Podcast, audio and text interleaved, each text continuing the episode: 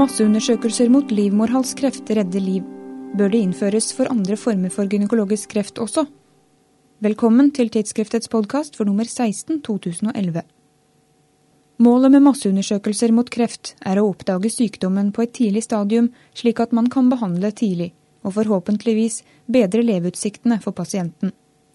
Kriteriet for å sette i gang en masseundersøkelse er at sykdommen utgjør en betydelig dødsårsak, det må finnes en test som kan fange opp sykdommen tidlig, og det må finnes en effektiv behandling.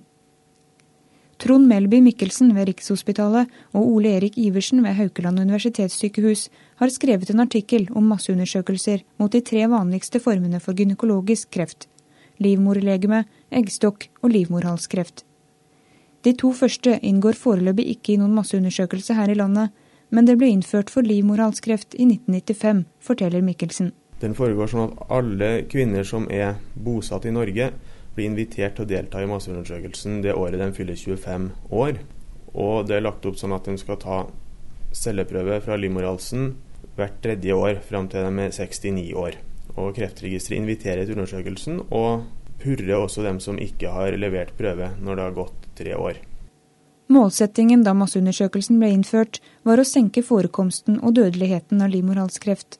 Tiltaket har hatt god effekt, men med større oppslutning kunne mange flere liv bli reddet.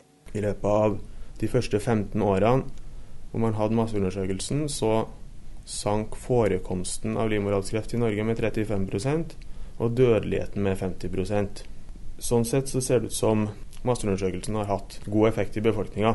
Samtidig vet vi at det er sånn at trass i purringa så er det 20% av kvinner i målgruppa som ikke bruker masseundersøkelsen. Og hos dem forekommer 60-70% av tilfellene av livmorhalskreft. At det vil kunne være en betydelig helsegevinst i å få de siste 20% også til å delta.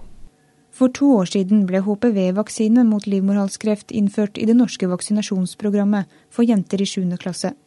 Mikkelsen sier dette ikke vil gjøre masseundersøkelsen overflødig, men at den i stedet må tilpasses i årene fremover. Dersom vaksinen har så god effekt som man håper og tror, så vil man i årene som kommer få færre forstadier til livmorhalskreft, og forhåpentligvis færre tilfeller av livmorhalskreft. Eh, det vil da endre forekomsten av celleforandringer, forstadier til livmorhalskreft i befolkninga, og vil dermed påvirke resultatene av de prøvene man nå gjør i masseundersøkelsen. Det er sannsynlig at man må endre masseundersøkelsen med andre typer prøver for å tilpasse seg den vaksinerte befolkninga. Samtidig er det sånn at selv med full vaksinedekning, så må vi i mange år framover kontrollere kvinner som ikke er vaksinert. At masseundersøkelsen må fortsette, men tilpasses en vaksinert befolkning. Mikkelsen og Iversen har også undersøkt hvorvidt det finnes dokumentasjon for nytte av masseundersøkelser mot eggstokkreft og livmorlegemekreft. To krefttyper som rammer drøyt 1000 kvinner i Norge hvert år. Eggstokkreft eh, rammer omtrent 450 norske kvinner hvert år. Eh, det spesielle med eggstokkreft er at så mange som 70% har avansert sykdom idet de får diagnosen. Og det påvirker også overlevelsen.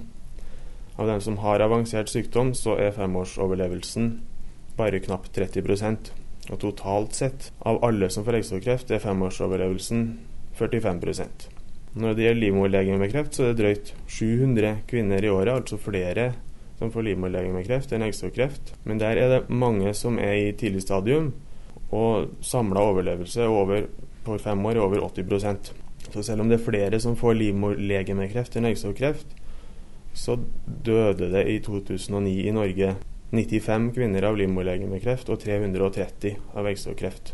Til tross for dystre tall er det ikke aktuelt med masseundersøkelser mot disse to krefttypene foreløpig. Vi fant at det ikke er grunnlag for å innføre masseundersøkelse mot livmorlegemekreft.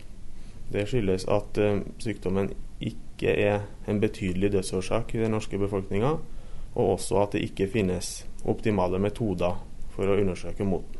Når det gjelder eggstokkreft, så er det sånn at fordi så mange som to av tre har avansert sykdom når de får diagnosen, så vil man kunne tenke seg at det vil være stor gevinst i en masseundersøkelse hvor man kan fange sykdommen på et tidlig stadium og gi bedre leveutsikter for dem som da får diagnosen. Problemet er at det til dags dato ikke finnes gode studier som viser nedsatt forekomst eller nedsatt dødelighet av eggstokkreft ved masseundersøkelse. Det pågår imidlertid to store internasjonale studier som vi venter resultatet av i løpet av få år, og håper at virkeligheten kan se annerledes ut da. Du kan lese artikkelen til Mikkelsen og Iversen i tidsskriftet nummer 16. Der kan du også bl.a.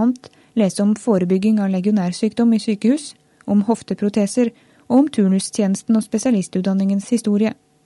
Jeg heter Eline Feiring, og vi høres i en ny podkast tirsdag 6. september.